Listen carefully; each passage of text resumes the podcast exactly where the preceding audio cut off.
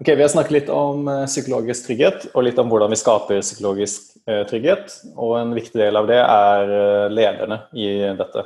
Og du, Pia, har jo nevnt begrepet ledere som kulturelle arkitekter før. Altså ledere som sitter på tegnebrettet og bare tegner, og så ber noen andre implementere, ikke sant? Det er det du mener? ja. Nei da, ikke helt. Det er vel heller det å gå foran som en rollemodell. Å være en del av, eller å leve den kulturen man prøver å bygge, da. Da er ikke du arkitekt, da. Da er du håndverker. Da er du liksom Ja, tja. Det kan du kanskje si. Men i hvert fall så er det eh, en del forskning sant, som sier det at, eh, at, eh, hvis du på en måte skal lykkes med eh, å bygge en kultur eller å endre en kultur, så må lederen også eh, walk the talk, da for å si det sånn, og gå foran som et godt eksempel. Og at det er ekstremt viktig. Eh, det er liksom en, en sånn hjørnebrikke, eller hva man skal si. mm. Men er det viktig for ledere å bry seg om? Er ikke dette psykologisk trygghet nesten bare noe som de små timene holder på med innenfor seg, innenfor sin sirkel, og synger kumbaya, liksom? Ja, altså hvis, man, eh, hvis vi igjen drar det tilbake til det her vi har snakka om at det er mange bedrifter som som ønsker å bli mer smidig, og det henger gjerne sammen med at de er i et marked der det skjer eh, veldig mye endringer veldig fort, så man har ikke tid til at alt skal på en måte eh, bestemmes på en årlig strategisamling, og så på en måte rulles ut gradvis eh, i organisasjonen og planlegges i hjel. Men man er nødt til å bare agere litt mer raskt. Da kommer man jo fort dit at man trenger å ha team som kan ta litt ansvar sjøl og sette, være med på å sette retninga og, og, ta valg underveis da, uten at det må helt opp til en ledelse. Og hvis, hvis du skal få team til å gjøre det, så kommer det inn det som eh, Martin snakka om her tidligere, at eh, eh, folk må da tørre å ta det ansvaret. Og da må de føle psykologisk trygghet. Så ja, hvis du som leder ønsker f.eks. å bli mer innovativ og lykkes i markedet og hele pakka, så er det her eh, også interessant for deg. Og det kan jo også være interessant hvis du en organisasjon som ikke har lyst til å være så utrolig innovativ også. Fordi hvis du har lyst på effektive team, så trenger du eh, team som f.eks. setter seg inn i domene og begreper og teknologi og folk og beslutningsrekker så fort som mulig. Og for at folk skal gjøre det, så må de tørre f.eks. å stille spørsmål. Eh, så psykologisk trygghet er også et uh, insentiv for å skape Altså det å skape effektive team da, som leverer uh, verdi og skaper lønnsomhet. Mm. Har dere noen eksempler på ledere som ikke har gått foran som gode kulturelle arkitekter slash håndverkere når det gjelder psykologisk trygghet? Ja, altså du vet jeg for så vidt ikke om eh, om de eksemplene som jeg kjenner til, om de da har hatt et mål om å skape psykologisk trygghet. Kan hende de ikke har vært, opp, vært eh, på en måte klar over den teorien i det hele tatt, for å si det sånn. Eh, men ja, jeg har vært borti miljø, for å si det sånn, hvor det har vært mer en fryktkultur, og at det har vært ganske vanlig å, å få kjeft eller eh, måtte ta skylda hvis ting går galt. Eh, jeg skal ikke si for mye om det, men, men det jeg kan si er jo at i hvert fall jeg opplevde ikke det som et veldig sånn trygt miljø å komme inn til. Det var ikke der jeg var på mitt beste.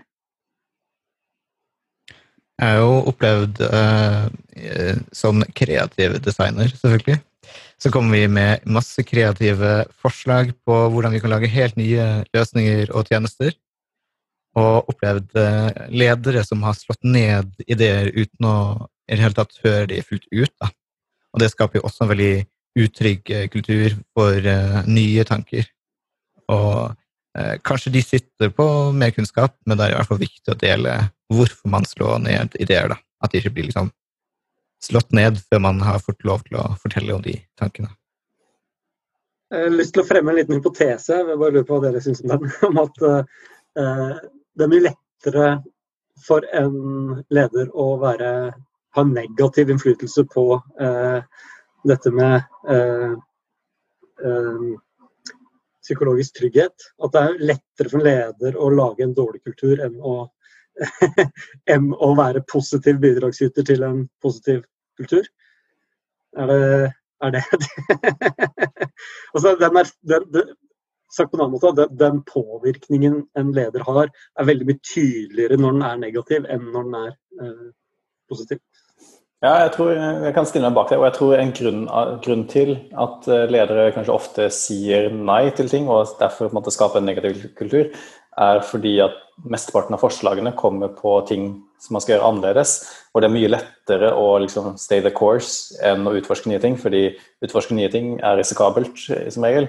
Og hvis det går gærent, så får du noe av støyten selv av dine fordi som leder så er det alltid noen bak deg og på en måte over deg. Og da betyr det egentlig at du opererer en utrygg, upsykologisk trygg Ikke sant? Psykologisk utrygg. Psykologisk utrygg, bare. Nei, men jeg tror også at uh, en annen ting kan være rett og slett det at ofte uh, når man har behov Hvis vi går inn på det her med innovasjon, da, for eksempel, eller produktutvikling. altså Det ligger jo i hele, hele begrepet at da skal du gjøre noe nytt. Du skal utforske et nytt territorium. Mm. Og det er jo gjerne territorier da som bedriften og lederen ikke kjenner fra før. Eh, og det er jo liksom ofte Så det, det, er vanskeligere kanskje da å si at ja, det her blir kjempebra når du ikke har peiling. Det er mye lettere å vise til de erfaringene du har fra før, og det produktet eller det markedet du er kjent med. Eh, og sånn sett kanskje også da lettere å være kritisk, fordi du, du vet om en annen vei, eller ja. Mm. mm.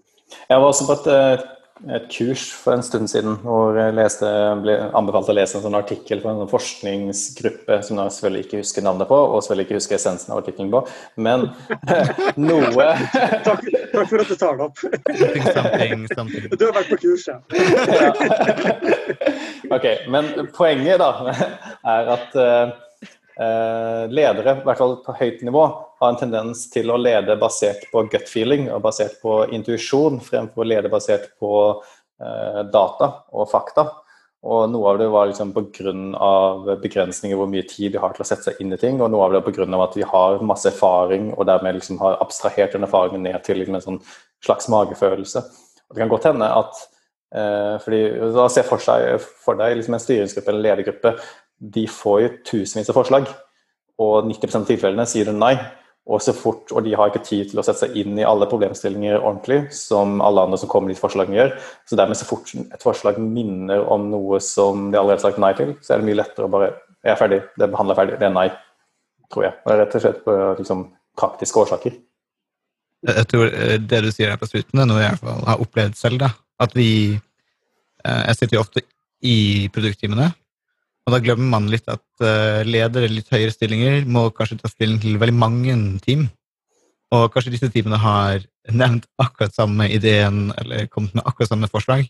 Og det er jo faktisk litt vanskelig å holde liksom, stillingen på det, kanskje, som en uh, leder. Hvem har du sagt nei til? Og hvis du har gitt en lang begrunnelse for nei i et team, så husker du ikke at det var liksom uh, Ja, du må faktisk gjøre det på samme måte gang på gang. da. Det kan jo være ganske tøft å mm. huske på. Da. Og man fleiper litt om det i noen sånne ledergrupper, hvor man bare sier liksom Nå har vi sagt ja til alle de fem tingene, nå må vi si nei til neste. liksom. Men uh, Man fleiper litt om det. Men det er jo liksom litt det at som ledergruppe så føles det også litt rart ut hvis du sitter der og bare sier ja til alt. Det, det høres Jeg tror ikke det er så at det føles rart ut, men det er jo gjerne sånn at en bedrift ikke har ubegrensede ressurser. Så det, du må jo, altså Noen må gjøre den prioriteringa. Det hadde vært eh, kjempefint hvis man kunne på en måte eh, gitt penger til alle, til alle, prosjekter og alle initiativ. Eh, men du har ikke mulighet til det. Og det er jo den ene sida av det. Og det andre er jo liksom sånn du skal, Gjerne har du peka ut en strategisk retning av ting du skal gjøre og ting du ikke skal gjøre. i hvert fall. Og, sånt. og det er jo også med på å, å sette de rammene for hva som går videre og, og ikke. Men jeg bare jeg er litt sånn redd for at vi liksom snakker om alle ledere som, eh, som liksom sånn at, at, det er ingen her som vil eh, ha nye produkter, eller alle er veldig sånn kritiske. Men det finnes jo også en hel del ledere som gjør en veldig god jobb på det å skape psykologisk trygghet og gjøre at liksom, bedriften og de ansatte blomstrer. Eh, så jeg bare tenker at kanskje vi skulle tatt opp noen sånne eksempler. og Hvem er de her lederne, hva er det de gjør? Mm. Jeg vet i hvert fall at jeg har jobba med, med for så vidt flere gode ledere, da, men, men en spesielt som er ekstremt god på liksom den her coachende lederstilen da, og alltid være sånn eh, åpen og liksom Jaha, hvorfor tenkte du det, og hva og i, Selvfølgelig er det jo ikke sikkert alt jeg har presentert som har vært eh, stått til 100 i stil, men da har han på en måte fått meg kanskje til å innse det sjøl, i stedet for bare å si at nei, det her var ikke noe bra. Mm. Som gjør, gjør, at jeg gjerne kommer med et forslag igjen seinere, da. Fordi jeg føler meg trygg. Mm. Jeg husker en eh, leder jeg hadde, hadde mottoet at tillit er ikke noe du bygger opp, men noe du kan miste så han hadde sånn grunninnstilling at alle du jobber med, skal du ha 100 tillit til, med mindre de gjør noe galt eller uh, er uærlige. Da. Og det var en veldig kul innstilling, fordi han sa det veldig liksom, høyt og tydelig til alle han hadde unnet seg. det. Uh, og det gjorde at alle liksom, uh, fikk sånn øyeblikkelig respekt og ville liksom opprettholde det tillitsnivået. Da. Og det gjorde at folk jobbet veldig individuelt. da. Så det var en veldig kul eh, motto, som kanskje ikke funker for alle, men det var veldig interessant hvordan det, det, en, altså det ene mottoet hans hadde veldig stor effekt da, på kultur nedover i selskapet. Jeg fikk lyst til å komme på, jeg kom på en, et sånn motto vi hadde på ungdomsskolen jeg gikk på. For jeg gikk på en sånn, jeg gikk på en sånn åpen skole som heter Ringstadbekk, som er veldig, veldig godt kjent uh, blant oss som har, uh, også har lærerutdannelse, eller lektorutdannelse. Fordi den utforsket en del uh, nye pedagogiske metoder. og der var mottoet at alle hadde frihet under ansvar. Altså du, du er gitt frihet, men den er under ansvar. Og, og, det stemmer med det du sa også, Martin. At, eh, at du, du, har gleden av friheten så lenge du bruker den på riktig måte. Uh, og det må være ganske uttalt, tenker jeg. At man må være som leder. Man må si liksom at det er det vi driver med her. Det er, det er grunninnstillingen. Man må signalisere det veldig tydelig. Uh, uh, nå snakker vi kanskje mye om liksom, disse innovative miljøene, men det kan også være liksom, mer strikte, kontrollerte miljøer og opplever ledere har liksom vært veldig transparent da. Hvorfor vi har den rigide settingen, eller eh, liksom ja, Jeg har vært transparent, og det har også skapt eh, veldig stor trygghet. da. At de torde å vise liksom, usikkerhet. At vi har tatt valg basert på kanskje litt lite informasjon. Men eh, det har vi gjort. Liksom vært trygg på å vise utrygghet. Og så tror jeg jo bare hvis vi skal snu det litt sånn andre vei, at en en leder, når, når, han skal ta sin, eller hun skal ta sin beslutning, trenger jo kanskje også psykologisk trygghet. Og Hvis du da linker det opp til frihet under ansvar, så er det jo noe med det her hvis du klarer å vise at det forslaget du har, enten det er et nytt produkt eller en uh, endring i en prosess eller hva det måtte være, eh, ikke bare liksom er, er, bra for deg, det er også bra for kunden, det er bra for økonomien til selskapet etc. Det vil jo, hvis, hvis, i hvert fall en leder vet at ja, vi har vært innom alle de her aspektene, vi har vurdert det, eh, så tipper jeg det også skaper en del trygghet. Mm. Supert. Da har vi snakket litt om lederen sin rolle i det å skape psykologisk trygghet. Neste er over det igjen, det å skape psykologisk trygghet i ikke, hvor det ikke er rom for å feile.